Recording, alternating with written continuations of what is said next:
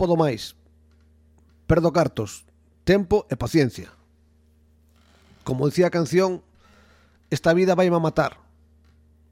Centos de kilómetros para ir tocar. Centos de horas nos ensaios. Centos de euros perdidos despois de ir a tocar. A veces dame impresión de que somos parvos.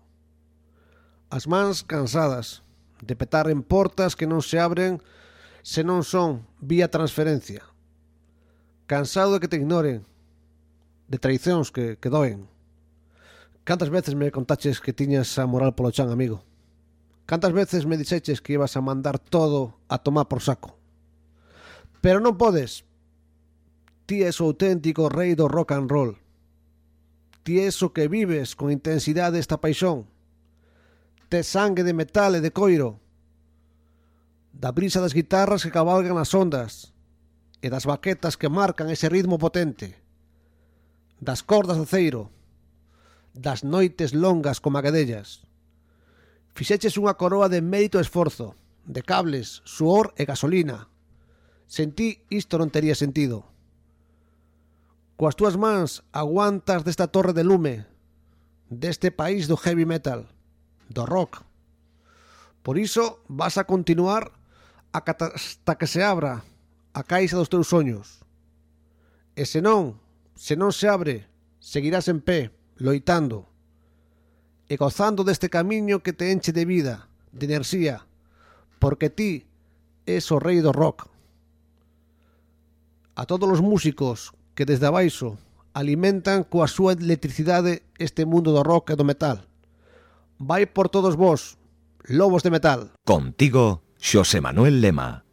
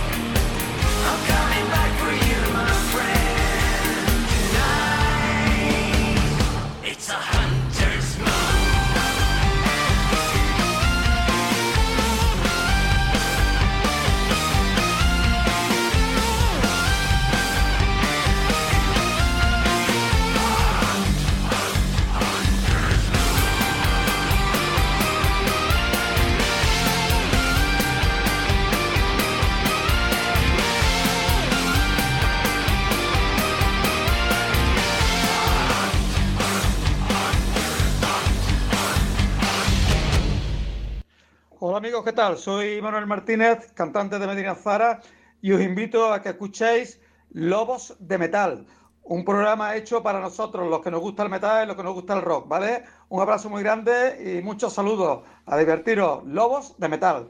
Amigos e amigas, benvidos e benvidas a esta nova función de Lobos de Metal nesta quinta edición. Comenzamos o mes de outubro e cumplimos co quinto programa de Lobos de Metal, emitido pola FM dende Radio Sallas e tamén por internet. Ademais, todos os audios, como sabes ti, están nos compartimos tanto no, na plataforma iVox como no Spotify e no Facebook de Lobos de Metal. www.lobosdemetal por se queres máis información. Nuns minutos falaremos con Armando de Castro. De sobra coñecido. Falaremos de Barón Rojo. Falaremos tamén dos proxectos Con outra formación como é Blacklist. E tamén estará connosco Dani Soengas do Grupo Atreides Teremos noticias Nun programa que arrancamos coa reflexión inicial Os dedicada a todos os músicos. But I just don't know. Benvido, benvida, xente auténtica do reino do rock ou da república do rock, como ti prefiras. Soaba unha novidade de Ghost. Hai moitos fans polo mundo inteiro que están esperando ese novo disco. Pero a formación de Tobias Forge pois adiantan isto. Hunter's Moon. Primeira canción que soaba e seguimos pois a metido de cheo na quinta edición de Lobos de Metal. Agradezo moitísimo dende aquí, recibo unha aperta de quen che fala, Xosé Manuel Lema, agradezo moitísimo, digo, e todo o apoio que estamos recibindo. Para nós é moi importante eh, que esta voz se espalle, que compartas as nosas noticias, os nosos programas, porque o que pretendemos é divulgar todo esta paisón que, que nos une nesta quinta edición que se emite en directo un 4 de outubro, sabes, todos os lunes en directo ás 8, redifusión os martes a unha do mediodía na sintonía de Radio Sallas, tanto pola FM como por internet, e logo pois compartimos nos medios que antes citamos. Temos un WhatsApp de contacto 693287749 e tamén un correo electrónico oslobosdemetal@gmail.com. Pedimos sempre que os contactos sean por mail, por WhatsApp, eh, non por privado de Facebook, porque senón eh, nos liamos bastante eh, con varias cousas e varios proxectos nos que estamos eh, involucrados. Amigos e amigas, os eh, digo, xa sabes que temos dos protagonistas, teremos noticias, teremos poesía e tamén os eh, quero comenzar eh, recordando que estamos aí preparando, dixen ao principio, prometemos que íamos a ter eh, concursos e teremos eh, concursos, estamos preparando algo potente, por iso simplemente pedir un pouco de paciencia e enviar un saúdo a Jackie López que foi a persoa, a primeira persoa que reaccionou no primeiro programa a esa pregunta que fixemos sobre Talesien, Recordaste que estivo o amigo Juan Carlos Cotelo Unha das partes importantes, hai que decirlo, deste programa. Eh, poderíase decir que é o produtor do programa e tamén estaba Javi García, ali lanzamos unha pregunta e Jackie López que nos contestou e eh, dicirlles que pois nestes días lle chegará ese CD de tales. E teremos máis cousas, teremos sorteos, a digo, pero eh, hoxe quero comenzar con un grupo español, a opción internacional era Ghost e agora a opción nacional pois é unha persoa que sonou no primeiro programa e precisamente pois Jackie me decía que lle gustaba esa canción, el sonido de Benito Camelas, escoitamos outras cancións potentísimas deste disco, El renacer del guerrero e logo falamos con Armando de Castro, Barón Rojo, o Barón, os eh, boa sobre Galicia. Hola, soy Kini Camelas y quería mandar un gran saludo y un fuerte abrazo a todos los oyentes de Lobos del Metal, el nuevo programa de rock que vais a poder escuchar a través de FM, Internet y podcasts. Así es que no os perdáis la mejor actualidad, las mejores canciones, los mejores grupos en Lobos del Metal. Un saludo muy grande desde Valencia para todos los oyentes. Somos Benito Camelas. Años vividos con la experiencia de mil palos recibidos, con las heridas que me regaló el destino. Y aunque me duelan tantas derrotas, no me he rendido, pues he aprendido a levantarme y a seguir con el camino. Y aunque he llorado, te aseguro que estoy vivo, para dar más guerra, para no rendirme al enemigo.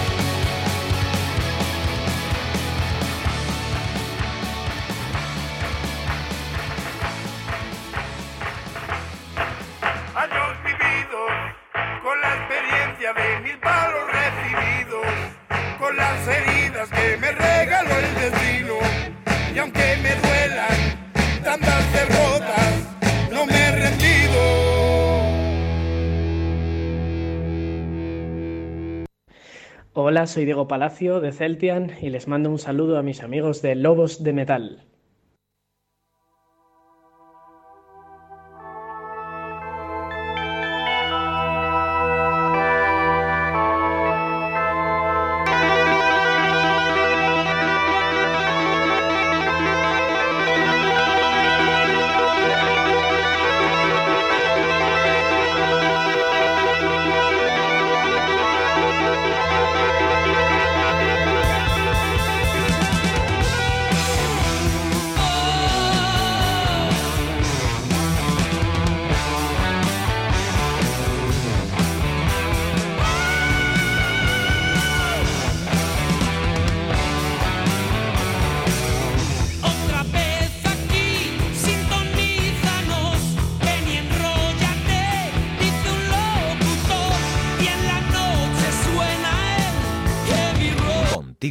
José Manuel Lema.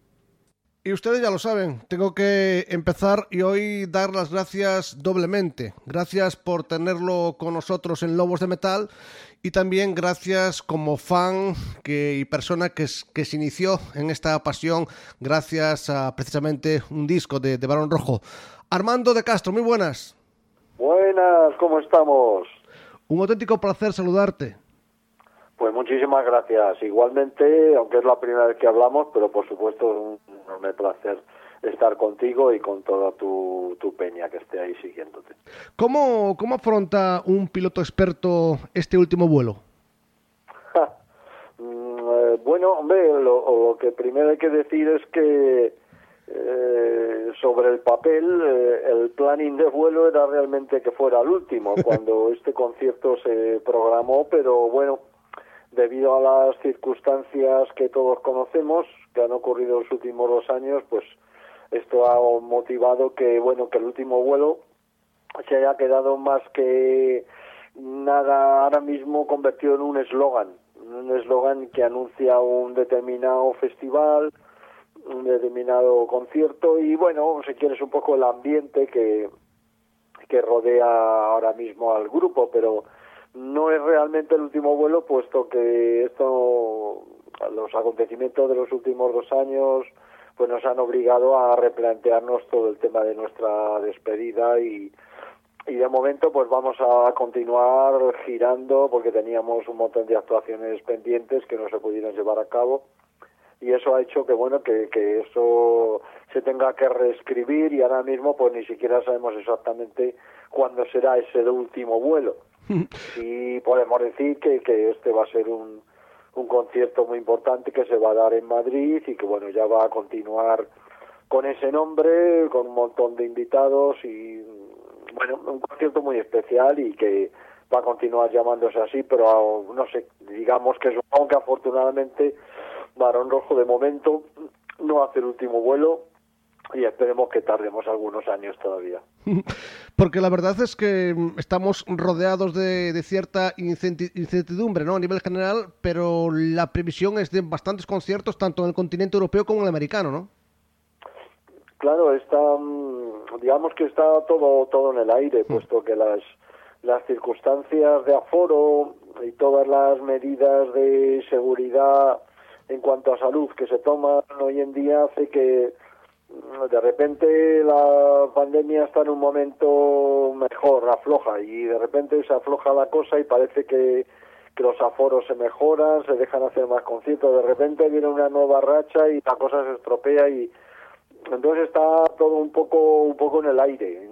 Cada país está buscándose un poco la, la fortuna por su lado a ver cómo le sale todo a ver si quitan restricciones si las ponen si vuelven a quitar unos países se vacunan más otros países se vacunan menos y entonces eso hace que, que bueno todo todos los planteamientos de programación de giras y de actuaciones, pues hay que cogerlos con alfileres, están prendidos con alfileres y todo se cambia de un día para otro. Entonces, bueno, ahora mismo eh, los planes pues son como se pueden ser y en fin si eh, un poco más adelante en la entrevista si quieres te menciono lo que podemos hacer así a corto plazo. Pero bueno que todo de momento se mueve se mueve en el terreno de las muy buenas intenciones pero de no demasiadas concreciones por las circunstancias que vivimos actualmente. Claro, tenemos ese concierto el 28 de diciembre, que estaréis acompañados por grandes músicos y amigos. Eh, aquí también hay una fecha en principio en Santiago de Compostela el día 13, que estamos pendientes eh, de que se confirme. Y lo que tú dices, eh, esperando a poder ir confirmando todas las fechas posibles, ¿no? Así es, así es. No es, es un momento de, de incertidumbre, como tú muy bien habías dicho, y lo único que podemos asegurar es que Barón Rojo sigue de momento y que bueno que afortunadamente los conciertos que se han dado pues han tenido una gran acogida de, de respuesta de comunicación con la gente aunque la gente bueno se ve un poco obligada a permanecer más en los asientos hay menos eh, capacidad de movilidad entre la gente de apretujones de todas esas cosas que en un momento dado le dan ese ambiente especial a los conciertos, pero bueno, eh, el público se va acostumbrando a que, bueno, la mayor parte del concierto la tienen que hacer sentados en su silla y nosotros también los vamos acostumbrando a eso y, bueno, pues es, es, otra manera también de disfrutar de la música, ¿no? O sea que eh, el caso es sacarle a cada circunstancia su oportunidad y bueno, pues también ver un concierto sentado, pues es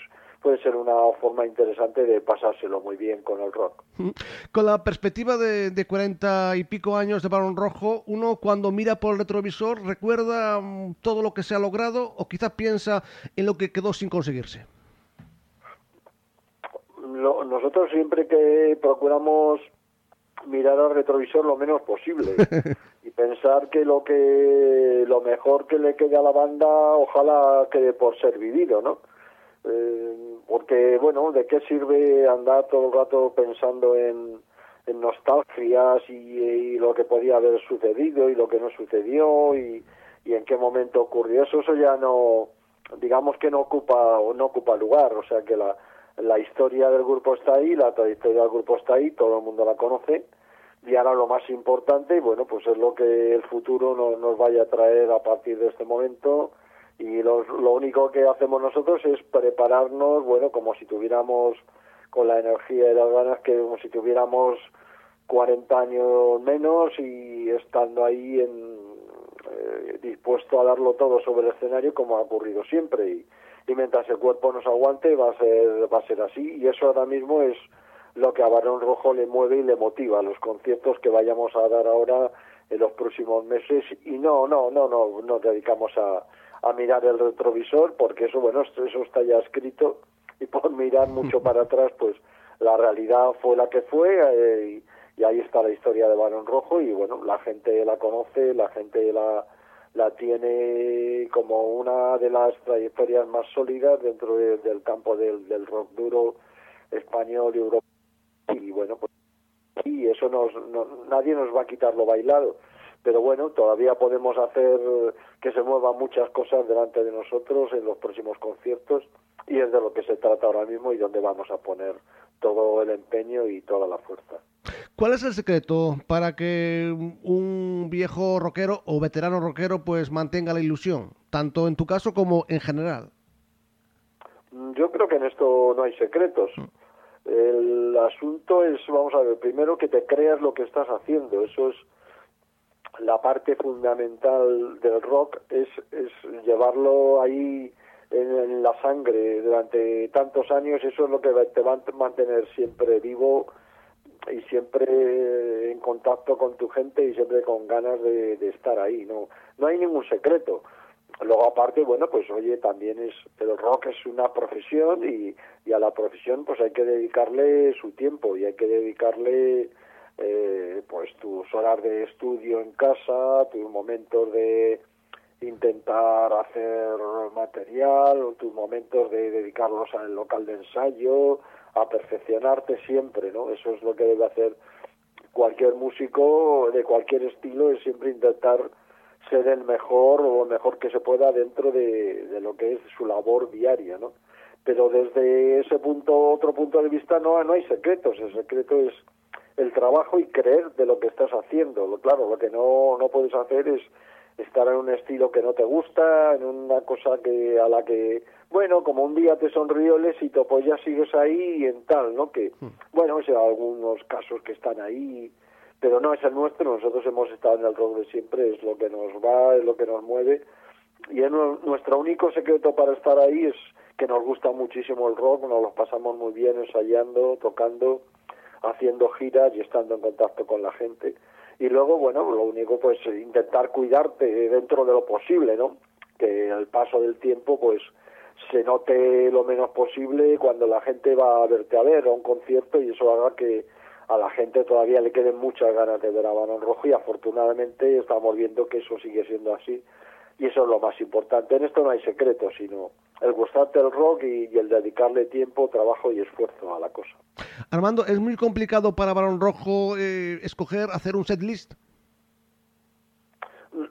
Vamos a ver, eh, eh, sí y no. Vamos, eh, te quiero decir, para mí, que además eh, soy el que me suelo encargar normalmente esa labor, digamos que tenemos tanta cantidad de canciones ahí que, que nos permite, bueno, pues darle a cada concierto, si quieres, su personalidad especial, ¿no? Dependiendo del momento, de, de cómo te sientes, de la cantidad de veces que has visitado esa zona, de las canciones que han sonado más o que has tocado más por esos lugares. Entonces eso, eso nos permite, bueno, pues hacer unos planteamientos a veces muy distintos en el sentido de que mezclamos canciones de todas las épocas de la banda, pero dependiendo del lugar, pues bueno, decimos, hombre, pues hoy en vez de tocar esta, hombre, hay canciones que no pueden faltar. Perdona, que Sí. estaba comiéndome aquí unas cosas y me han quedado unas cositas metidas en la garganta. Tranquilo. Que hay canciones que sabemos que no pueden faltar dentro de un concierto de Barón Rojo, esas son fijas. Pero de- luego hay otro, un 30, un 40, un 50% de las canciones que sí pueden ir variando y dada la cantidad enorme de material que tenemos, pues es divertido, ¿no? O sea, no representa una carga, sino todo lo contrario, representa un, una satisfacción poder decir que, bueno, que cada día hemos tocado, a lo mejor hemos hecho una gira, una mini gira de cuatro o cinco sitios y en cada sitio hemos tocado un distinto repertorio. Eso hay muy pocos grupos que lo puedan hacer, ¿no? Porque la gente ensaya una gira y ya toda la gira va con ese material y con ese repertorio y con ese orden, ¿no? Y eso, bueno, a nosotros nos da nos da mucha vida, nos da mucha vida en el escenario poder varar- variar, poder tocar canciones de los primeros discos, de los últimos, canciones un poco más menos conocidas, pero que la gente también agradece escuchar. Y luego, bueno, pues ya sabemos que la parte final del concierto, pues no, tampoco puedes defraudar y dejar a la gente sin los grandes clásicos de la banda. Pero bueno, yo creo que eso va a seguir siendo así y yo creo que la gente va a seguir apreciando que cada concierto sea un poquito único y que no sean todos los conciertos siempre igual. Si quieres, dejamos aparte España. Eh, ¿En qué país te has sentido más cómodo tocando en tu trayectoria? Hombre, esa es una pregunta un poco complicada porque eh, digamos que todo el resto de, de los países que hemos visitado se podrían sentir, eh, no sé cómo decirte, como menospreciados o algo así, ¿no? Yo creo que ca- cada lugar, cada zona, bueno, el público puede tener su, su propia personalidad y su manera de, de aceptar y de vivir un concierto, ¿no? Pero eso no quiere decir que sean unos mejores que otros, ¿no? Hombre, hay, unas constantes que más o menos, digamos, la, eh, dado que Barón Rojo es un grupo que toca mayoritariamente para, para gente de habla hispana, y todos sabemos que, bueno, dentro de, de los tipos de público, pues el grupo, el, el público que habla hispana es de los más calientes que hay, de los más comunicativos, eh, de los que más te da una marcha adicional que te ayuda a, que te llevan volando ¿no? durante todo el concierto con, con su manera de participar, de, las can- de gritar, de animarte, ¿no? Entonces mm, sería un poco injusto, mm, no sé, mencionar unos países y decir este sí y otro no. Yo creo que cada sitio tiene su, su interés. Nosotros pues hemos tocado en Europa, en Estados Unidos, América del Sur muchísimas veces. América del Sur es una zona especialmente agradable porque hay una demanda de varón rojo enorme, ¿no? Pero me refiero a todo el continente americano en, en su conjunto, es y especial la parte del sur, ¿no? Y luego, pues oye, tampoco podemos decir de- que eh, Barón Rojo por encima de todo es un grupo español, un grupo español y que donde más ha actuado y donde y que es algo, pues es gracias a la respuesta y a que eh, el público español es, es el que le subió ahí y, que y casi el que le mantiene ahí, entonces tampoco eso se debe olvidar, entonces no, no, no creo, sería injusto citar a unos países y decir que en esto sí y otros no. Yo le doy muchísimo las gracias a todo el público que nos sigue y bueno, también depende que hay nosotros también los que estamos encima del escenario, unos días tenemos mejores días y otros no tan buenos, entonces eso también puede influir en que la respuesta de la gente en cada sitio haya sido un poquito distinta. Pero en general, bueno, Barón Rojo ha conocido muy muy pocos públicos que no se hayan, eh, en fin, manifestado eh, por estar ahí participando en el calor de, los grupos de los conciertos de rock que damos. Y podemos decir afortunadamente que el 99% de las veces siempre ha habido un gran nivel de comunicación con todos los públicos de, que hemos visitado en, en estos últimos 41 años. Y por lo tanto entiendo que a eso me refería más bien yo, que hay una repercusión pues similar en todos los países. Eh, sí, hombre, eh, ya te digo que España Sí. y Sudamérica son las zonas donde más respuesta tenemos de gente. Cuando viajamos a Europa y Estados Unidos, bueno, pues los públicos a lo mejor no son tan tan masivos, tan mayoritarios, estar dentro de festivales con otras bandas, es otro tipo de, de planteamiento a lo mejor distinto, pero bueno, también son conciertos súper interesantes y que merece la pena vivirlos, ¿no? Pero sí es verdad que los conciertos en España y, y en toda Sudamérica pues son conciertos muy bonitos, de una gran participación y de una gran cercanía con la que con la gente que notas que es que la gente que, que te mantiene ahí por encima de todo. Eh, un- una opinión, Armando, ¿tú crees que es ahora más difícil eh, promocionar una banda, colocarla en el espectro eh, que en los años 80? ¿Es más complicado ahora o era más complicado, complicado antes? ¿Tú cómo lo ves? Mm, pues, digamos que aquí mm, no sé si hay un secreto, pero eh, lo que hay que hacer es adaptarse a las circunstancias.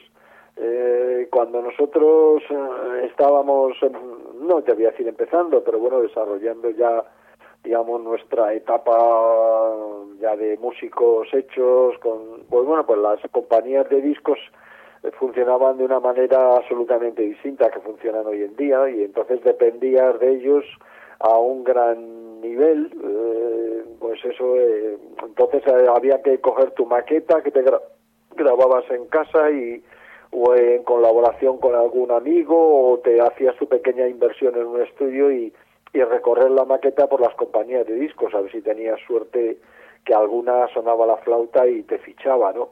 Y eso durante un tiempo, mm, digamos que eh, los músicos acusábamos a las compañías, ¿no? De esa especie de, de pequeña capacidad de selección que te colocaban a ti, pues en una especie de pedigüeño, ¿no? Que ibas siempre ahí. Pero luego cuando llegaron los tiempos de digitales y tal, pues pues casi hemos empezado a echar de menos cómo se funcionaba entonces, ¿no? Sí, y depender de una compañía que era la que te hacía promoción, pero la que podía colocar tu producto y sabías que si más o menos esa compañía invertía en ti, pues pues podía hacer unas buenas campañas de promoción.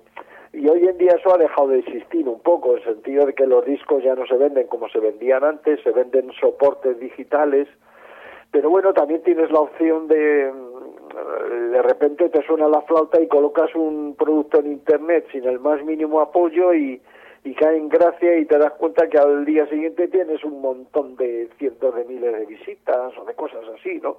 Y esos casos también se ha dado, ¿no? Se han dado. Entonces ahora lo que se trata es un poco de, de adaptarse a las circunstancias, saber que las compañías de discos ya no funcionan como funcionan entonces, como funcionaban entonces, y pero bueno, que ahora tienes en cambio la opción de si te haces un, un videoclip más o menos majo, colocarlo en, en las plataformas digitales o de simplemente hacer tu propia canción en un local de ensayo y si te ha quedado muy bien y pues al día siguiente resulta que que gracias a internet lo colocas todo y y mucho más conocido, a lo mejor en 24 horas, en fin. Todo tiene su, esto es un arma de doble filo. En su tiempo el mercado tenía sus pros y sus contras y hoy también los tiene, entonces bueno, pues vamos a intentar eh, adaptarnos a las circunstancias, aprovechar todas las ventajas de Internet y bueno, pues intentar seguir funcionando y, y ya está, poco más se puede decir. Yo, pues sí, añoro los tiempos en que se funcionaba con las compañías de discos y bueno, pues, sabían mucho más, con mucha más seguridad qué terreno pisabas y a lo que te atenías y cómo iba a ser todo. Hoy en día, el bien que puedes invertir muchísimo en una grabación y caer mal, no tener capacidad de difusión, en fin, es, es muy complicado, pero bueno, vamos a seguir ahí utilizando lo que hay y bueno, por lo menos Internet pues ha popularizado mucho la música, es un medio que, que nos coloca en cualquier parte del mundo en segundos y eso bueno pues hay que saberlo aprovechar también y no quejarnos siempre de que cualquier tiempo pasado fue mejor y cosas así que no no vienen al cuento. Así que vamos a a convivir con lo que hay y adaptar la música se hace a los canales que hay hoy en día para distribuirla y ya está y vamos a tirar así que es lo es lo único que se puede hacer Eh, ¿en, tus dato- ¿En tus ratos de ocio también estás adaptado o sigues disfrutando de los vinilos? Mm, Yo la verdad reconozco que el vinilo lo tengo un tanto abandonado. No mm, no soy un poco de, esa, de ese tipo de nostalgia. Sé que está bastante en boga y el vinilo yo sí. Es más, eh, tengo un plato, tengo el mismo plato que tenía hace casi 50 años, que es un Lenco L78 de fabricación suiza, un plato maravilloso, pero que lo tengo que ajustar y, y le tengo ahí un poquito abandonado. Entonces no reconozco que toda la música que escucho hoy en día es por medios digitales. No, no, la verdad es que no, no escucho vinilos prácticamente nada. ¿Y guitarras cuántas tienes?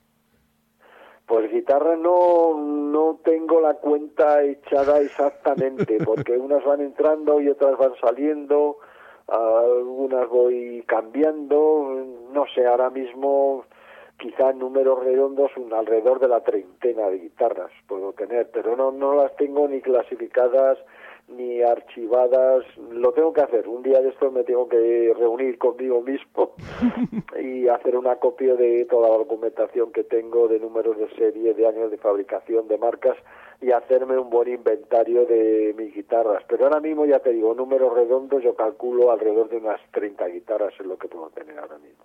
¿En los próximos conciertos eh, utilizarás eh, la, la misma guitarra o, o sueles variar? ¿O tienes previsto variar?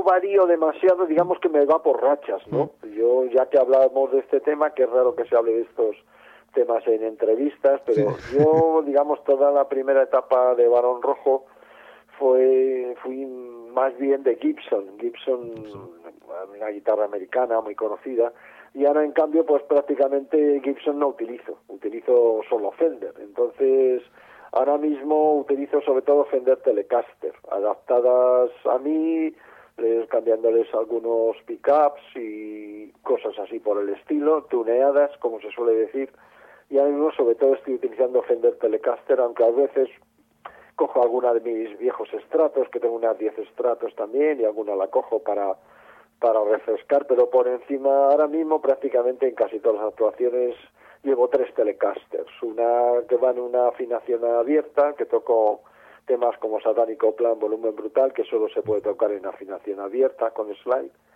y luego llevo otra para que la que ese día pues hoy me apetece más tocar con esta y me preparo esta me la cambio las cuerdas la octaveo bien la preparo y llevo una de repuesto para lo que pueda pasar. Entonces tres telecasters es tres Fender Telecaster es lo que llevo ahora mismo. Y no no varío mucho. Soy un poco por rachas pero quizá en tiempo vuelva al astrato pero de momento ahora estoy muy muy cómodo con las tele y, y creo que voy a seguir así una temporada Eh, por internet circulan algunos vídeos que de actuaciones recientes de Balón Rojo y aunque parece que suena peloteo, el grupo se ve bien compenetrado.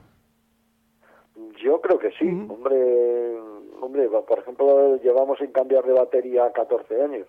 Eso ya crea una dosis de compenetración a la hora de tocar muy gorda.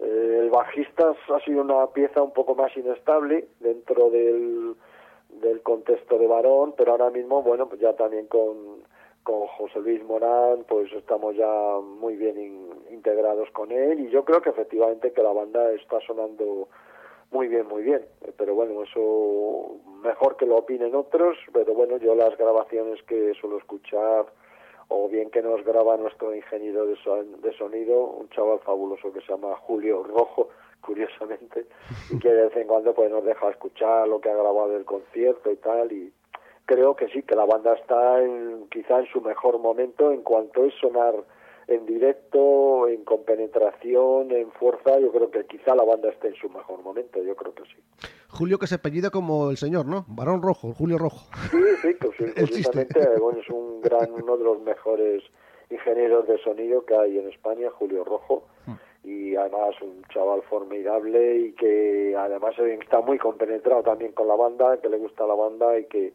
que disfruta cada concierto que hace con nosotros, con lo cual pues todo sale a pedir de boca y además desde que vamos con él todo el mundo nos dice que, que el grupo todavía suena mejor que, que antes y en fin, es una persona que, que nos ayuda mucho, igual que todo toda la gente que llevamos en carretera, también llevamos a eh, Mariano Vallejo, un road manager con nosotros lleva ya 12 años, un montón de años, eh, a Miguel Sempere, que era el antiguo manager, el antiguo road manager, se tuvo que dejarlo porque tuvo un problema físico muy gordo, pero bueno, ya se recuperó.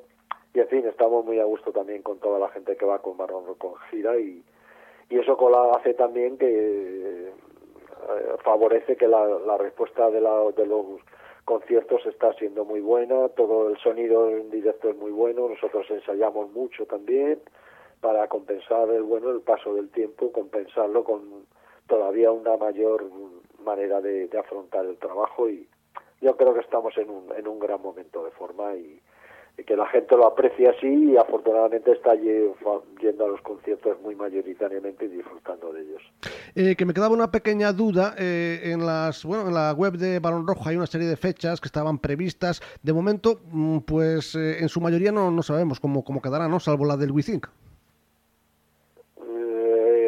Eh, espera, no, no te he entendido muy bien la pregunta. digo que de todas las fechas que, que están publicadas que estaban previstas con anterioridad tanto en España como en, en Estados Unidos como en América eh, a día de hoy pues eh, hay muchas confirmadas ya o están casi todas en el aire Mm, eh, es que te podría aventurar algunas fechas que están casi confirmadas, pero la verdad es que tampoco te creas Claro. que me sé mucho las fechas. Pero vamos, así a grandes rasgos, lo que tenemos eh, planificado, aparte del Wizzing, tenemos un concierto en La Roda, que lleva ya cambiándose la Roda provincia de Albacete, que Sí. lleva cambiándose la fecha desde hace bastante tiempo, y este va a ser el día 23 de, de octubre.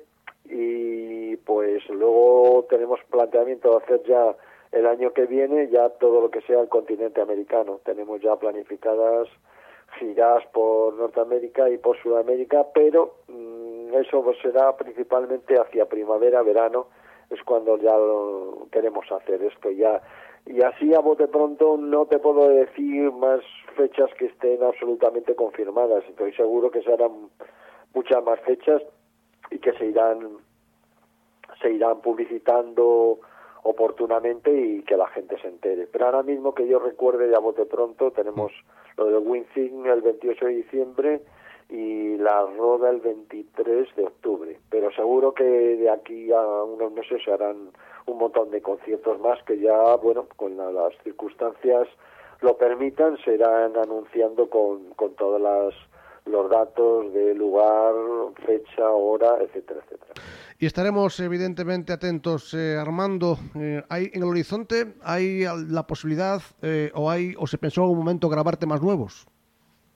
Eh, eso es una asignatura que tenemos pendiente desde hace bastante tiempo, lo reconozco. Y bueno, eso no, no está ahora mismo, digamos, en nuestra agenda más, más inmediata, eh, entre otras razones porque, mm, bueno, eh, presentarte con temas nuevos siempre es muy comprometido y más y menos cuando encima estaba anunciándose y ya casi la gira de despedida y de repente sería un poco, no sé cómo decirte, un poco extraño que apareciéramos de repente con material nuevo.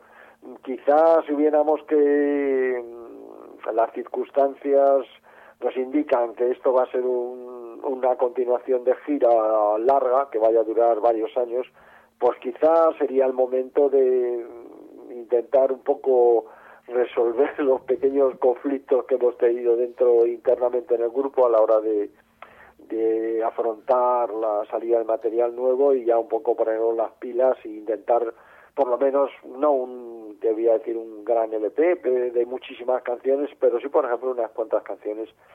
Quizá estaría bien bueno dejarlas ahí un poquito como guinda del pastel final de, de los últimos tiempos de la banda pero bueno no no me atrevo a decirte nada concreto porque bueno eso son cosas de orden interno Claro. y vamos a ver si la logramos llevar a cabo pero bueno así a bote pronto no no parece muy probable que Baron Rojo edite material nuevo así a corto plazo Para terminar, simplemente voy a decir una, dos palabras y tú añade lo que quieras. Blacklist. bueno, muchas gracias por hacer esa pequeña mención. Bueno, mm, yo soy una persona que siempre estoy, eh, aparte de mi absoluta permanencia y fidelidad a Barón Rojo, pues bueno, siempre me, me gusta hacer pequeñas incursiones en otros terrenos por refrescar- refrescarme a mí mismo y encontrarme, bueno, tocando una serie de canciones que no sean siempre exactamente las que hago con Barón. Y bueno, aparte de Blacklist, que es mi banda actual, en la que no hay, no es tampoco una banda de, de material nuevo, como sí lo fue Armando Rock, que fue una banda que tuve también hace unos años, que todavía en cualquier momento, pues, pues podría afectar a, efectuar actuaciones, que ahí sí que yo me quité la espina, hice dos álbumes de material absolutamente inédito, pero bueno, la respuesta de la gente fue la que fue y tampoco puedes estar eternamente invirtiendo en canciones nuevas y en eh, estudios de grabación si luego a lo mejor pues bueno toda esa ilusión que tenías puesta tú en esas canciones pues la la gente parece que sigue demandando todavía todos los grandes clásicos de Varón y es lo que más motiva a la gente. Entonces bueno Blacklist es mi grupo actual con dos personas muy importantes dentro del panorama como es David Pérez a la voz y Peter a la batería, que es el, bueno, la batería también que está tocando con, con Vargas Bluesman. Y bueno, es una es un trío, un power trío que creo que vamos a hacer muy buenas actuaciones que nos están ya buscando nuestra nuestra manager y que bueno, estamos ahí. Yo creo que si tiene, la gente tiene oportunidad de ver a Blacklist, que lo haga, que además lo podrá hacer por precios muy asequibles creo que disfrutará de un buen concierto de material clásico de pues de de bandas como Barón Rojo o de bandas como Cof o de o bandas como Armando Rock que irán ahí en ese compendio pues irán muchas canciones de esas canciones no tan conocidas de Barón Rojo pero que también están ahí que a mí me ha gustado un poquito desempolvar y colocarlas un poquito en el término. Yo creo que si la gente se anima puede ver un- bonitos conciertos de Blacklist y yo le animo a que lo haga. Y Blacklist. muchas gracias por mencionarlo. Y simplemente, ahora ya para no aburrirte más, eh, Armando, mm, preguntarte, ¿no? Si con Blacklist, y tú hablabas también de Armando Rock con esos dos discos que, bueno, tú decías, ¿no? Que no, bueno, no tuvieron esa repercusión a lo mejor deseada, pero está la puerta abierta que en un futuro pueda haber algún tipo de grabación eh, de Blacklist o de Armando Rock, o de momento no lo piensas. Sí, sí, sí, sí, esa puerta siempre está abierta porque eso afortunadamente eh, depende principalmente de mí, que soy un poco el, el motor que mueve todo el resto de las poleas y yo siempre estoy en plena ebullición, ¿no? Lo que pasa es que con Armando Rock ahí eché, bueno, eché, no te voy a decir que todo lo que me quedaba, pero puse una gran carne en el asador en hacer material nuevo y bueno, pues luego la, la gente del público no, no ha respondido a ese a ese llamamiento como a mí me hubiera gustado. Entonces, bueno, digo, me voy a tomar un pequeño descanso, pero en cualquier momento me encogeré otra vez la, la máquina de hacer canciones y volveré a hacer canciones con toda seguridad y estarán ahí con Blacklist o eh, refrescando Armando Rock. Ya veremos a ver en cada momento lo que lo que más interese y lo que más pueda cuadrar para la programación de las salas, en fin.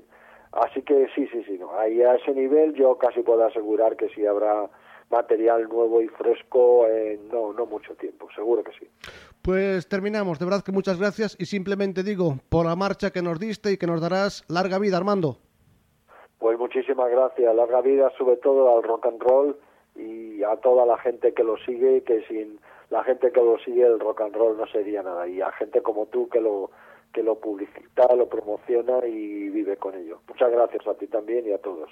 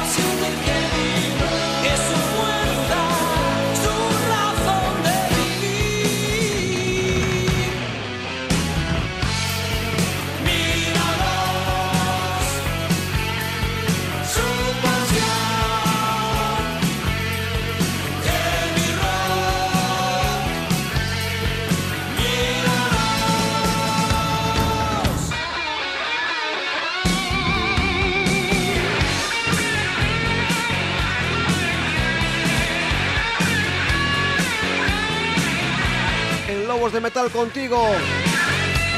Quinto programa. Danosa Singladura.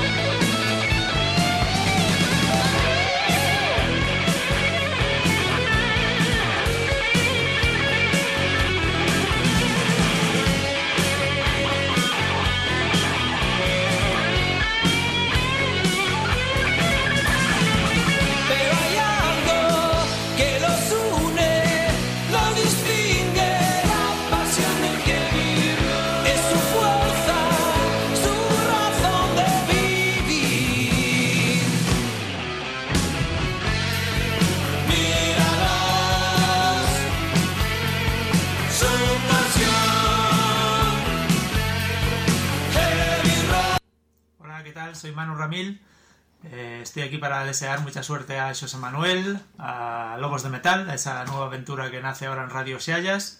Espero que vaya todo fenomenal y bueno, y también espero poder visitaros cuando vosotros queráis. Un abrazo. Vai todo fenomenal. Saúdo Manu Ramil, que é noticia porque se incorpora a Mago de Oz logo do abandono forzado do teclista Javi por esas doenzas, esas lesión crónica Fueron tus labios que ten unha das súas mans. lo que acabó recomponiéndome y deprisa. Dende aquí unha aperta moi grande a Manu Ramil e moita sorte con esa xira americana de Mago de Oz. Quizás el vino Está soando Tregua, de Uña y Carne, canción con Cuchi Romero que forma o videoclip que acaban de lanzar como presagio e como anticipo do seu novo disco. Por cristales, que nos falaremos moi pronto con Tregua aquí neste programa hemos siempre dese novo disco Lo urgente es vivir. uña y carne. Soando Tregua, Uña y Carne. Farían falta moitas palabras para relatar a trayectoria do baixista e vocalista Marco Mendoza, pero podemos citar as súas experiencias en bandas como Dean Lisi, White Snake ou Ted Nayan. Pois o citado Marco Mendoza actúa este venres 8 de outubro na Coruña, na Sala Filomatic. Nun concerto que se engloba na xira Take It to the Limit Vai a ofrecer un repertorio formando por temas propios, tentes discos en solitario, recordemos Pero tamén con temas doutras bandas das que foi membro. Tocarán como teloneros o grupo de hard rock balear Diesel cun set acústico. A xira de Mendoza por España arrancou a pasada fin de semana en Vitoria.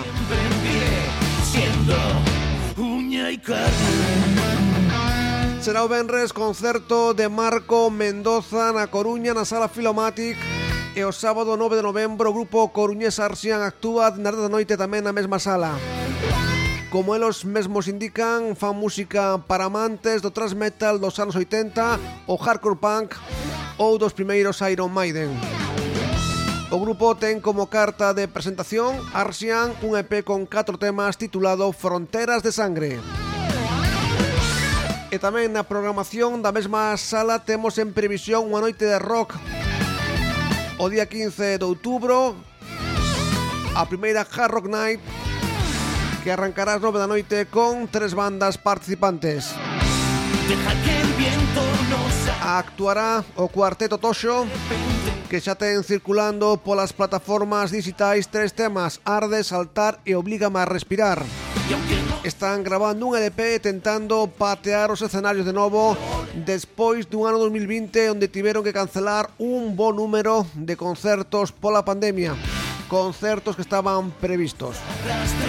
Un dos protagonistas desta Hard Rock Night, Tocho. Por certo, comparten batería Ángel Porto co Santiagueses Fillo Corvo, que será outra das bandas participantes nesta noite roqueira. Aquí. Se andas polas plataformas poderás escoitar Pedra Negra de Sazo, que son cancións desta banda. Fillo Corvo. E dende Arteixo chega o quinteto Iger Pretty Plus, jarrock alternativo con tintes eh, clásicos e cun disco debaixo do brazo que foi grabado a finais do 2019 nos estudios Bonham coruñeses e chamado State of Mind. Outros dos grupos, tres que estarán o 15 de outubro nesa Hard Rock Night na Sala Filomatic da Coruña. E tamén, pois, temos que comentar que o día seguinte, deste concerto a 16 tocan Cloaca, o dúo coruñés xa coñecido neste programa tamén esta sala Filomatic. Bento Carroña e Rafa Rai forman esta proposta que coñecemos aquí polo disco Vertido Tóxico editado por la familia Revolución.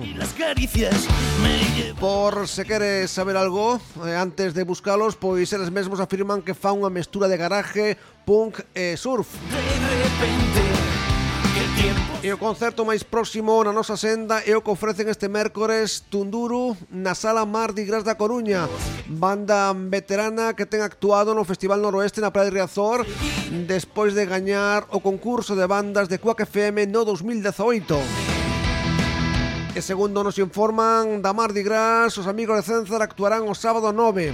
Bocisa e os seus compis que están que non paran. Música andadura Estes concertos de bandas galegas contan co apoio do Xacobeo 21 da Xunta de Galicia. Con el diablo, mi alma cambio de tus abrazos. A cuenta gotas, a pies juntillas, calando hondo, llegaste hasta mi orilla. Esto era Tregua e isto é Leice.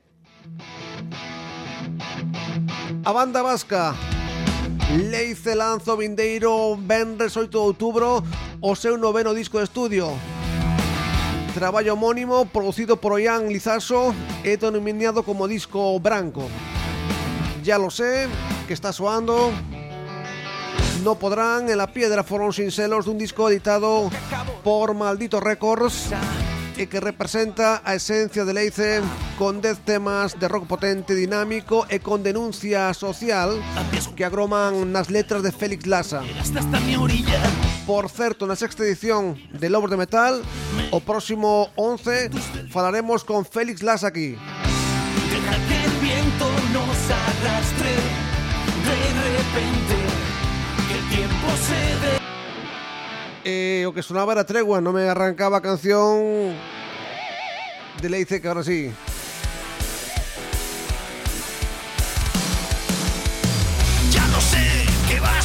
Aí sí, aí sí. Detrás.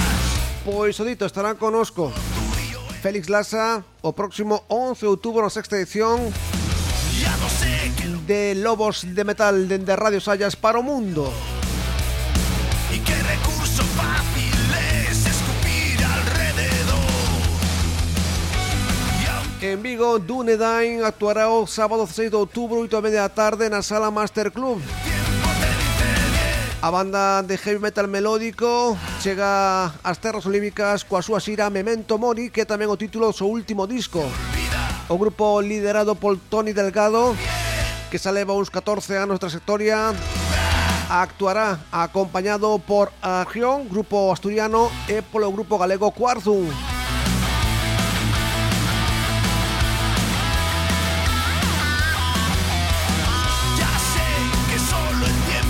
recordamos que xa saiu o disco La Tristeza Alternativa de Solos do Grupo Coruñés e tamén queremos aplaudir iniciativas como o Festival Montando Cristo que se celebrou esta pasada fin de semana en San Salvador de Torneiros eh, no Porriño. Houve aforo completo nunha noite na que actuaron J. Doe and the Blue Preachers, No One Alive e Aphonic. Polos vídeos que vimos, pois...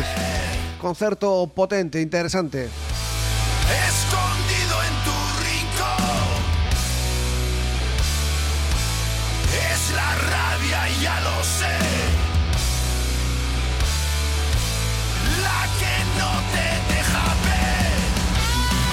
recordamos que se queres anunciar o teu concerto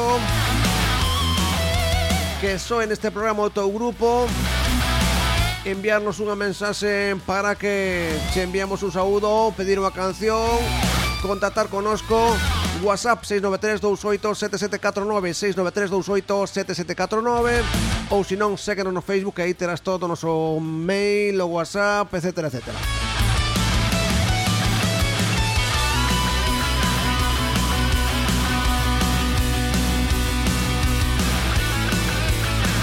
nada falamos con Dani de Atreides, grupo invitados e tamén aquí nesta nova edición de Lobos de Metal, pero antes imos co momento poético, ose coa poetisa Teresa Ríos.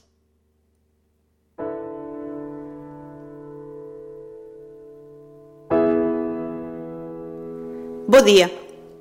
Son Teresa Ríos e estou encantada de poder participar neste programa de rock e poesía. Aproveito para agradecer a Xosé Manuel Lema o convite e para mandar un saúdo agarimoso a todos os ointes de Radio Sayas. Vou recitar un poema inédito que di así. A felicidade, entre outras cousas, non deixa de ser un acontecimento trivial. Un privilexio reservado a uns poucos. En realidade, ela semella ter ollos de neno. Por si acaso, nin banaliza a mentira, nin acredita en verdades absolutas. Ela é caprichosa, precisa un leito confortable. Medra entre carreiros de millo nesta terra que soña con alternativa á diáspora. Pero o medo ocupa demasiado espazo sempre disposto a magoala. Por iso pensa que acubillalo no peito é o xeito máis doado de aforcarse en balde. Ás veces, turrar do pensamento falle cósegas nos pés. Porén, no seu fogar moran en perfecta armonía dous cans e un gato. Cre sen dúbida que o pasar na gaiola é un espírito morto. Coida que a dor é un feito. A mente vulnerable. Tamén que calquera forma de vida pode resultar un experimento fallido, ou non. Adoita moverse na sombra vestida de misterio. Préstalle como rapaces xogar as agochadas. Daquela non queda outra que bailar un tango de cando en vez. Porque a música tamén pode deixar pouso, enfeitizar. Alguns apéanse das presas e collen a forte da man. Outros miran a pasar desguello, esgotan a súa existencia no empeño como quen navega en pos dunha quimera. Tampouco ten moito sentido darlle as costas á lúa, nin mirar ao sol de fronte.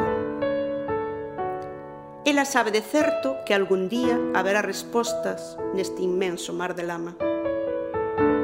Cando no planeta as leiras estean cheas de trigo e a fame sexa tan só un rumor infundado no vento. Grazas e boa saúde a todas. Contigo, Xosé Manuel Lema.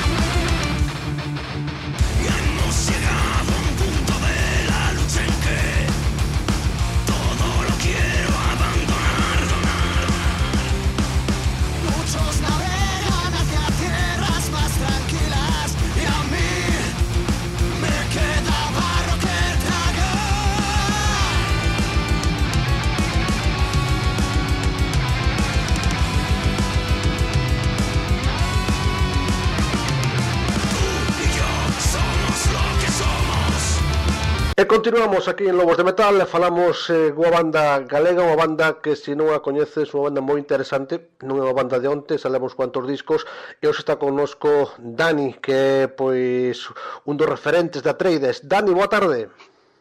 Ei, boas tardes, que tal? Como estamos, amigo? Como vai a cousa? Ben, ben, estamos aquí, bueno, tranquiliños. eh, Ordalía, Como podemos eh, que podemos comentar sobre este último disco terceiro de, de Atreides que é o que imos escoitar hoxe? Bueno, pois eh, Ordalia é basicamente, eh, a parte do que dixeches son o noso terceiro traballo, é un pouco a evolución, o que se di sempre, no, dos anteriores, diría que a consolidación, a consolidación da un pouquiño do sonido da banda, non? Porque no disco anterior, prácticamente no segundo disco foi cando entrou a formación a formación actual eh, na banda, non? En, tocamos moito por aí, fixemos un par de giras, eh, bueno, e todo eso foi ser unímonos moito como banda, pulimos moito o sonido, eh, eso é o que se reflexa neste terceiro disco, que soa moito máis agresivo e moito máis pesado e máis orgánico que os anteriores, que, que vamos, é o que buscábamos. Eh, en canto a o sonido, pois eh, o que ti dis non, eh, pero tamén eh, falando de das letras, eh, non falamos eh, de letras ceñido ceñidas ao mundo fantástico, senón outras tamén máis conectadas eh, coa realidade, non? E co, bueno, se pode dicir, coa interpretación máis do día a día. Sí, bueno, aínda que o xénero do power metal ou heavy como que se identifica moito con esas letras fantasiosas, eu non son nada fan delas, entón eh, son letras que sí que podían dicirse que son históricas, máis ben. Non están centradas na época actual porque tamén decidimos que o grupo fose un pouco evasivo, non? Que nos quitase o mellor dos problemas actuais e te levase a outras historias. Entón, son letras realistas e son letras eh, pois que falan de outras épocas pero non están orientadas a fantasía. Hai moitas historias reais nas que nos inspiramos para, para falar. E no medio, no medio deses, deses ritmos eh, frenéticos pois temos eh, estribillos que, que enganchan e que, e que quedan na mente, non? O mellor é esa a intención. Sí, bueno, esa foi unha das cousas que respecto dos anteriores discos que igual eran como máis rebuscados, non? Mm. Pois eh, para non, neste intentamos que non que fosen per se máis sinxelas as cancións, pero que sí que eh, polo menos certas partes como os estribillos a xente nunha primeira ou nunha segunda escoita xa poder, mm, puderan cantalas sen problema eh, e que fose música un pouco para, para a xente non, non, non isto de facer música para músicos como din como se soe dicir, non? Porque al final o que buscas é transmitir unha enerxía e que a xente se identifique con ela, e, e, de, e de feito estes temas en directo aínda non os pudimos tocar, pero son, son moi ben, porque son moi moi directos. Claro, eh, a pregunta que, que compre facer, non? Despois de atreides un, un grupo eh, bueno, bastante coñecido, se pode ter nos nosos círculos, eh, despois de tres discos e unha pandemia, que, que podemos esperar de, de Atreides? Como encarades e que esperades do, do futuro máis inmediato?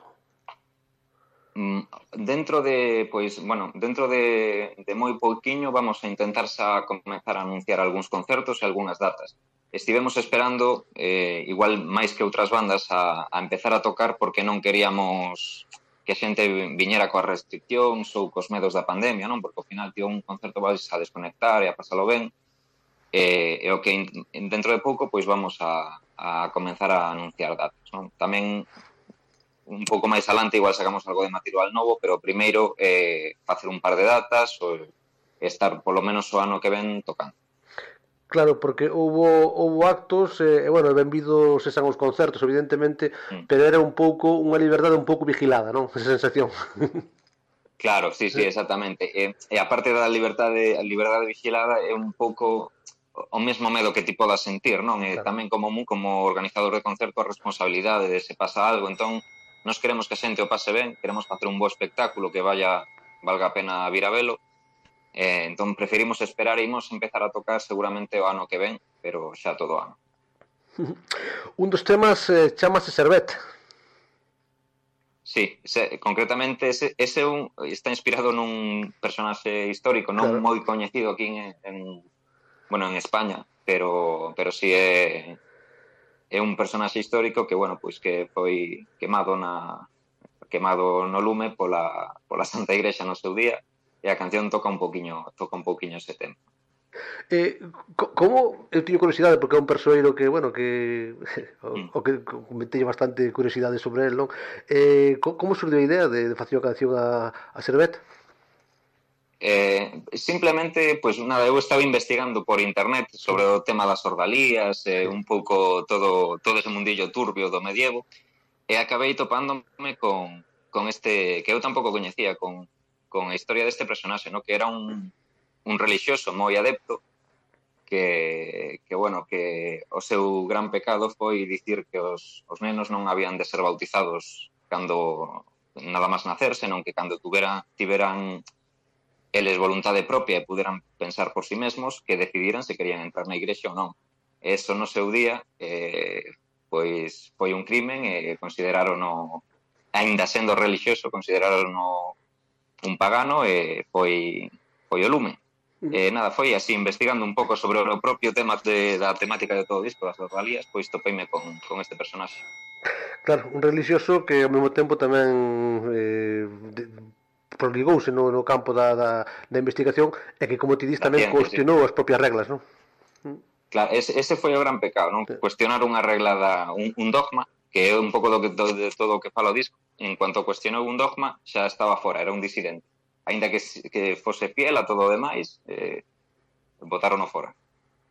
Esas probas de, de, de casi que, que, que, que de fe, eh, eh esa, esa é deixar en mans do divino, non? Temas eh, o mellor humanos eh, como as ordalías, pois tamén protagonizan e eh, titulan un disco, non? O que é esa unha mensaxe clara. Sí, sí, está todo un pouco relacionado, non? Eh, non é un tema fantasioso, pero esta parte de eh, esa mitoloxía, non? Eses descoñecementos que esa, a, a veces a xente non sabía o que se enfrentaba e buscaban explicacións de forma divina e facían probas absurdas, non? É todo un tema un tema moi curioso que dá para pa un disco ou máis, pero bueno. E vos, vos defendedes un concepto mm, pois bastante amplo do heavy metal, non? Sen demasiadas limitacións. Agora que falamos de cuestionar... Mm. Sí, a ver, é que, bueno, cando ti compós eh, pasa algunha canción ou que sexa, está ben meterse en que a raíz, o sea, decir, a base do grupo, ten que estar clara, ten que decir, bueno, facemos heavy metal ou power metal tradicional, ten que estar clara e a xente ten que saber o que se o que vai a toparse para que a identidade do, do grupo este clara. Pero logo ti como artista, e como músico, que intentamos intentamos selos, pois cando escoitas máis máis máis cousas, tendes a leválas ao teu terreno transformadas, non? Entón pode pode haber cousas que sexan máis de metal extremo ou pequenos arreglos non en sí. determinadas partes ou incluso cousas que veñan do pop pero a base eh, ese sentimento pesado é de heavy metal non? que realmente é o que, o que nos gusta o outro é máis a nivel de quizáis os, os arreglos non? que tamén enriquecen máis as cancións e fan que non se xa tan típico e tan aburrido polo menos para nosotros Mm. Dani, estás contento co, co resultado da difusión deste disco ou por moitas circunstancias crees que tens a sensación de que debería ou debe aínda ter moita máis repercusión? Home, eu penso que debería ter máis repercusión. Eh, tamén son totalmente consciente de que sacar o disco no momento que o sacamos era era, bueno, tiñamos que sacalo, pero era prácticamente un, un suicidio, non? Entón estamos estirando, estirando, estirando ata poder empezar a tocar, pero eu confío en que a, a día de hoxe sen sair a tocar xa foi o disco que máis repercusión nos activo pero eu polo traballo que fixemos eh, que, bueno, que intentamos facer non? Eso ao final ten que decidir a xente. Creo que deberíamos tamén é responsabilidade nuestra que darlle moita máis difusión aínda que é o que vamos a intentar ao longo de todo o ano que ven. E ti tiveches a, a responsabilidade, se non me equivoco, de producirlo e de, de mezclalo? Sí, sí, correcto. Oh. Uh. Foron, eh, bueno, infinidade de horas eh, de problemas informáticos dende, dende o momento que empezas a compoñer e eh, todo o proceso ponen centos e centos de horas. Dende o proceso creativo a logo o proceso técnico da mezcla, enviar o folapa masterizar, o feedback... Eh, bueno, sí, sí, pon moitísimo traballo, moitísimo traballo. Por eso tamén, eh, sen intentar soar pretencioso, buscamos e queremos que teña a máxima difusión posible porque moi, moitas horas de traballo. Mm, digo eu, eh, que é máis máis complicado, que é máis tortuoso a produción, eh, eses traballos ou, ou a composición? Eh, a min, para min personalmente, compoñer é o que máis me gusta, é o que me motiva. Nin sequera me considero guitarra, non? Aunque eu son principalmente compositor, serei mellor ou peor, pero a min é o que me, o que me divierte. Logo, o demais son todo medios para para leválo a cabo. Entón, esa parte eu disfruto moito, disfruto moito de compoñer e de tocar e tamén de gravar e de producir a nivel de facer os arreglos, de falar cos músicos da miña banda e tratar de que todos de sacar o mellor de cada un, e darlle mil voltas, eso está moi ben. Logo, o proceso da mezcla, para min personalmente é unha tortura, se pudera, eh, se, se hubiera o presupuesto suficiente como para mellorar o que temos, enviábamolo fora de España aos estudios que nos gustan e o facíamos fora, porque volveste loco, obsesionaste con detalles que a xente igual nin percibe, a veces pas, das no clavo, outras veces non das no clavo, no, e, e son moitísimas horas, pero bueno. Eu a mezcla, da mezcla palante a mezcla ao máster, para mí son unha, unha tortura. O proceso anterior eh, é o que realmente me gusta. Este, este disco mm, ten colaboracións de, de grupos como Aquelarre, Iron Hunter e tamén do propio Alberto Cerejo, non? Sí, sí. Eh, bueno, foi unha cousa a min, bueno, eh, concretamente aquela era Iron Hunter son bandas coas que compartimos cidade, temos eh, eh tamén relación, non? Eh, de feito, o vocalista da Iron Hunter foi o vocalista do primeiro disco da Trades. Uh -huh. logo marchou e formou a Iron Hunter e tal, pero eh, tamén fixo as fotos deste disco porque ele é fotógrafo. Bueno, tenemos moi boa relación, eu quería ter os meus amigos cerca, non? Eh, de aquelarre tamén por exemplo, o cantante daquela resustituiu a Iván ou o noso cantante en algún concerto e tal, temos, temos boa relación e se podemos poñer o noso granito de arena para que soen máis os seus nomes porque alguén nos coñeza a nós, pois mira, ben, e así estamos todos, a min faime ilusión. E por suposto, Alberto Cereijo tamén é o, o primeiro, non é porque sexa galego, pero faime máis ilusión aínda, é o primeiro guitar hero de España. Eh, ten ese rollo satriani, máis americano, que non había nesa época, non o tiña nadie eh, e facíame moitísima ilusión. Entón, pois, bueno, que accedese a colaborar nunha produción miña, para mí, a verdade é que foi un honor. Eu cando contactei con el por, por temas de, do xornalismo, pois encontreime cun tío super enrollado. E intuyo que con vos tamén foi así, non? Sí, sí, foi super educado. De feito, eu mandei un, unha mensaxe, non recordo que rede social, creo que foi o Facebook, non me acordo.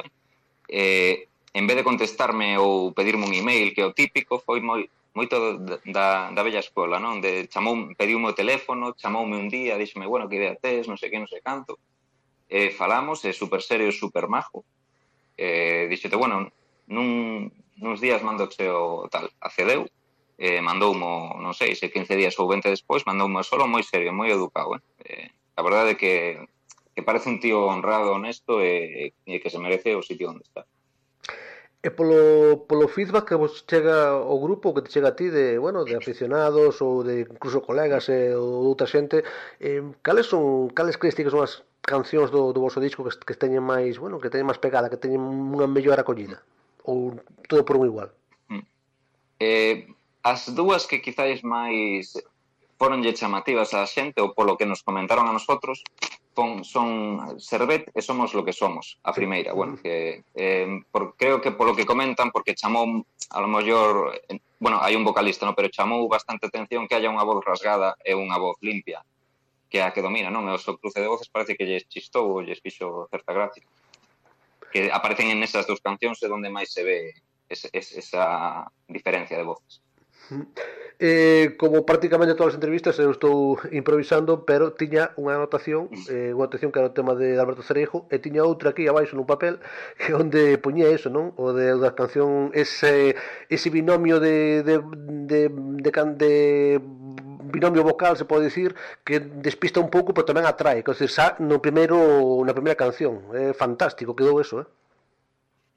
Sí, bueno, gracias. Eh, sus, eso foi cousa de eh, como te comentei antes, nas xiras, eh, nos concertos e tal, eh, a veces íbamos probando en plan, bueno, fai unha voz ti aquí que esa voz máis rota eu son, sabes, para solo para contrastar un pouco e darlle un pouco de vida contrastando coa voz do vocalista principal que é a, a clásica voz de heavy, así moi afinada moi audilla e tal e contrasta ti con unha voz que é totalmente diferente. A ver que pasa e tal, e fomos probando, fomos probando e, ao final molounos, parecernos divertidos e no disco pois parece que ao final foi unha das, a parte de outras, foi unha das señas que, que o fan un pouco diferente, no? do, do típico grupo de heavy power, ese rollo, pois pues nos, a, a, nos, a nos tamén nos gusta, nos divirte, pois, pois aí quedou. E de feito foi no primeiro tema, perdón, eh, sí. que no primeiro tema e quizáis no que máis voz rasgada hai, que engana un pouco, no? Logo no disco o vocalista principal Iván é o que domina totalmente o disco, pero no primeiro tema cantamos a metade, entón engaña un pouco que parece que te vas a encontrar, eso tamén mm. nos fixo gracia facelo así, non metelo así no primeiro tema. Eu digo che corazón, o primeiro que, que pensei, eh, digo que son moi, moi, moi franco, non? Mm. Eh, que eres uns arriscados. Así que eu, menudo que, que xa na primeira canción eh, optar, por esa fórmula parecía un risco de cojones, perdonando a expresión. Pero ao mesmo tempo, pois a min entroume pois hasta hasta atrás, quer decir que vos felicito, pero ao mesmo tempo reconozo que, bueno, que pode ser algo arriesgado, non? Pois ao principio primeiro tema? Sí, bueno, claro, sin riesgo non hai gloria, dixo, sí, ¿no? sí. Entón, como tampouco temos, eh, eh, o sea, intentamos facer o que nos molaría a nosotros e tirar pa'lante, claro. sí que se falou, eso que distí, falouse moito en plan de se poñer ese tema como primeiro tema, porque a xente pode desviálos, pero bueno, tamén o divertido é facer o que non fai ninguén, non? Ainda que fagas un, un género que, que leva moitos anos facéndose, facelo de unha forma distinta que te podas chegar a sorprender en determinadas cousas, Entón, se nos mola, tiramos palante e vía que a xente, pois, se lle gusta ben, e se non, pois, bueno, ojalá lle hubiera gustado. Como preámbulo da entrevista, comenzamos susto con Somos lo que somos e agora tiña a dúbida entre Servet e Varados, pero bueno, ímonos quedar con Servet. Sí, mismamente, tamén. Dani, pois agora supoño entendo que, que con moitas ganas de, de ser a tocar eh, e eh, de exprimir o máximo este, este disco aínda, non? Sí, sí, de feito, o de, eu que, últimamente xa, como estou vendo que outras bandas salen a tocar, eh, tivemos oportunidades e fomos dicindo non, vamos a esperar, vamos a esperar, xa estou como se fora unha droga, o sea, teño que sair a tocar xa porque teño ganas e, e como sexa. Entón estamos, estamos non tenemos nada anunciado porque queremos anunciarlo todo ben, en orden, Eh, pero bueno, sí, o sea, ten, eu morro de ganas de tocar xa. Eh, esta pregunta que lle fago a todos os eh, visitantes deste programa, que supoño que algún día deste dará para unha reportaxe escrita, é preguntarvos, non? Eu recordo aquí que empecé nesto da radio fai pois 20, bueno, uf, 30 anos ou así, non me acordo ben, eh, e me acordo aqueles vinilos, de que do contacto que tiña que ir a unha cabina de teléfono, o teléfono de miña nai para falar con grupos toda España, eh, que me mandaban por correo postal cousas, cousas que eran unha cousa moi complicada e, e a veces te perdías moito material con respecto a outros medios porque eras un medio minúsculo, non? Pero ao mesmo tempo agora eh, temos acceso a prácticamente todos os grupos, pero a veces hai auténticos problemas para seleccionar cancións. Hai a veces vas ao correo electrónico, que no, corre, no buzón, na, no, na caixa postal non tes nada. Prácticamente algún CD raro, non? Pero no, no buzón de, de mail está repleto de, de MP3, de non sei que, de non sei cuánto, de adiantos e eh, cantos, terceiro, cuarto. Sí, eh, sí, eh, sí. Estamos nunha saturación, a pregunta é directa, e perdona polo rollo. É máis complicado agora facer un oco para un grupo ou pensas que era antes? Eu penso que ahora eh, é máis complicado, é máis económico tamén, sí. porque, bueno, polos medios que hai, pero, pero é dicir, no, no long, no, a, a curto plazo, para iniciar un proxecto, todo isto pode beneficiarte, pero a longo plazo é moito máis complicado destacar, porque é que eso, hai unha saturación bestial, eh, marcar a diferencia eh, é, mar, é, é moi complicado, eh, aínda que estés aí, que sepan que estés aí marcando, intentando, pois xa non sabes como marcar a diferencia, non? Porque hai tantísima Ahora a xente xa non saca discos, saca singles, eh, é, é, é moi, moi complicado, está todo moi saturado e parece que o mercado do, de sacar discos de larga duración xa non interesa, eh, hai un montón de bandas que empezan sacando os singles e desaparecen ou non siguen, entón hai, hai unha saturación. Para min perdeuse un poquiño a maxia, non? De que tes que esforzarte a forrar para comprar un disco, entón o valoras, les ben o libreto, eh, ora tes, das, dalle a Spotify e sen ningún esforzo, pois non valoras igual o traballo dun artista porque non tiveches que facer ningún esforzo para conseguilo, non? Entón non, non te motiva igual a ler as letras, a, a ver que dicen, se, se impacta ben e se non, siguiente. Claro, porque xa para rematar, pero sin faltar o respeto a ninguén, eu por exemplo, para unha canción pop ou unha canción de, de reggaetón, e escuitando unha vez a canción, que tampouco xa non casi non hai discos, non? Pois sei o que teño, pero para eu, por exemplo, esta entrevista eu escutei tres veces o vosso disco, sabes? E aínda creo que necesitaba unha cuarta para para absorber un pouco máis a esencia. O, o heavy metal, o rock duro, pois é unha música con tantos matices que non é para escutar dunha vez, é programar, é poder opinar. É como ta, é con tanta saturación, a veces ata podemos ser insustos, non? Claro, é que é un pouco o, o que decías do single, eu creo que aí diches no clavo, non? Ti se faz música sinxela e de singles, vas, sacas un vídeo con bastante feito con bastante pasta, non? Cada ano, eh, xa tes ocupo completo para estar, pa estar aí. Pero bueno, nos como artistas o que nos motiva é igual unha canción da Trades por si sí soa, pois, bueno, está ben, non? Habrá algunha canción que, que poda ser un single, pero a gracia vela dentro dun contexto de, dun disco, de o que di antes, o que di despois, e, ese tipo de obras, non? Entón, é unha época moi moi complicada para, para estas bandas que intentan que intentamos facer o, un pouquiño máis no que, o, que os singles o que queremos leválo de outra maneira, non? Pero bueno, eh, ti como artista é o que nos mola, entón. Que... Dani, pois, de verdade, eh, noraboa polo, polo disco, gracias eh, por estar aquí en Lobos de Metal, eh, que saibas que aquí tendes a vosa casa, seguiremos atentos a, a vosas evolucións nada, moitas grazas a ti e cando queiras charlamos e estamos aquí para que paga falta. Un aperta, amigo. Venga, aperta, chao, chao.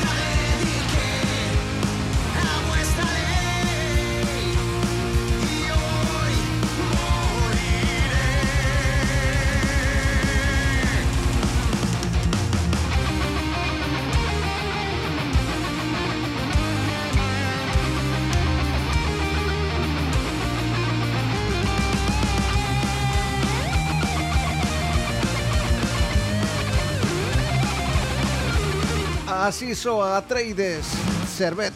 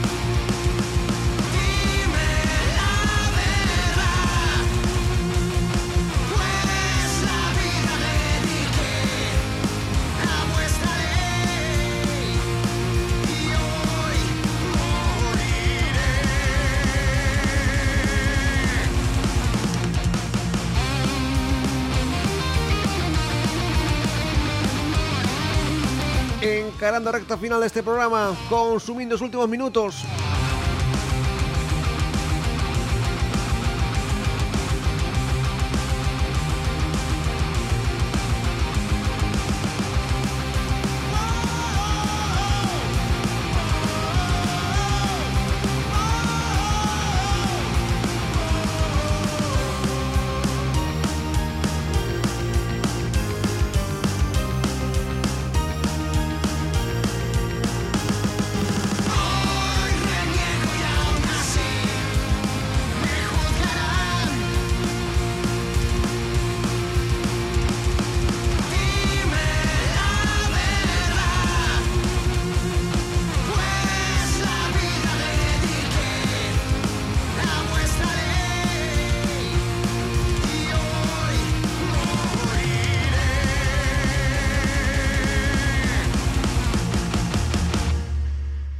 sí que morreu justamente, curioso, un 29 de setembro de 1511, pois queimado en no lume, na fogueira, cerveta, a canción que titula este tema, o título eh, que inspira, que can, titula esa canción de, de Atreides e tamén que inspira esta historia, tal e como nos comentaba Dani Soengas. Imos rematando, pero temos dúas cousiñas que comentar compartir para co para chegar e encher esta nosa singladura. Por un lado, dicirche que fai uns días presentaba aquí no programa que temos pola mañán de 11 a 1 na encrucillada nesta emisora Razkin o, novo, o seu novo disco Norte. Eh, facíanos unha reflexión. un amigo me, me hizo la misma pregunta y, y la verdad que no sé qué contestar. Es como que me he quitado el miedo de los estereotipos, de las etiquetas y, y es un disco más abierto, más, más fresco todavía que el anterior, ¿no? Sin,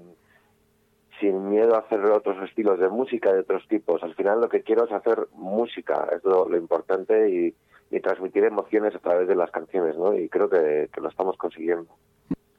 Pues eh, viene desde diciembre ya porque lo que quería era ir sacando singles para que la gente a la hora de tenerlo en la mano ya tuviera la mitad del disco escuchado prácticamente.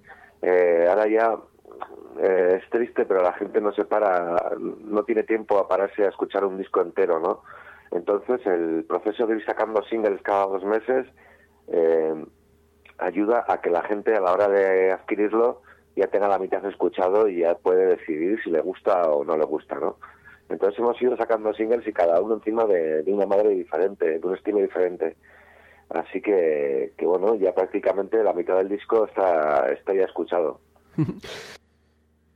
Norte, dis- disco de Razkin. Simplemente engadir que para as persoas que queiran escutar esa entrevista que emitimos fai uns días, pois Volverlo a para FM, cando remate este programa, repetiremos a entrevista a Razkin.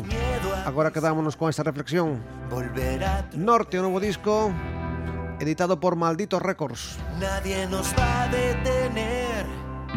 Sabemos luchar. Nadie sabe como tú volverse a inventar. A veces mis brazos son E rematar cunha historia feliz dándoche por un lado as gracias eh, pola túa escoita.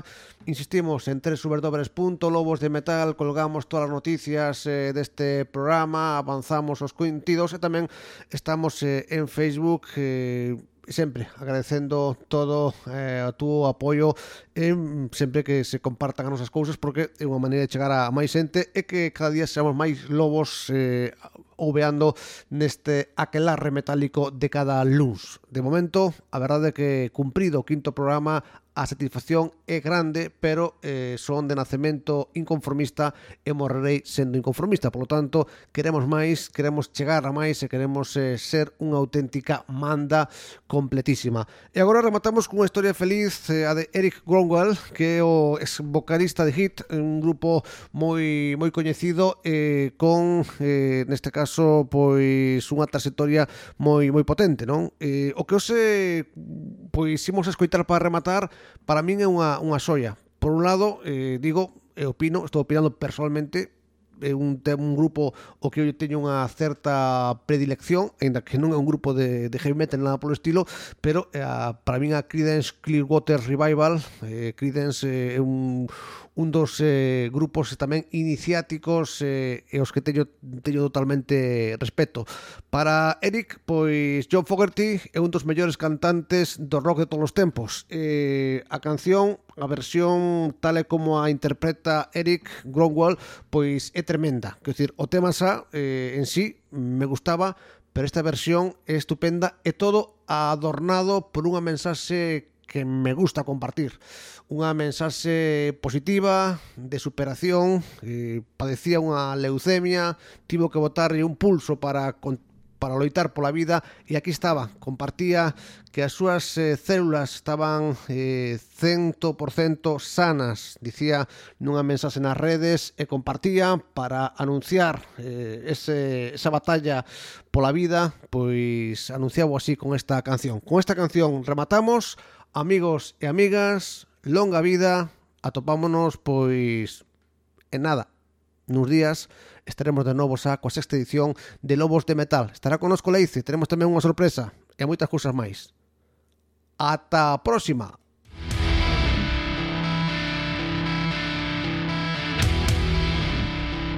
Lobos de Metal! Let's go!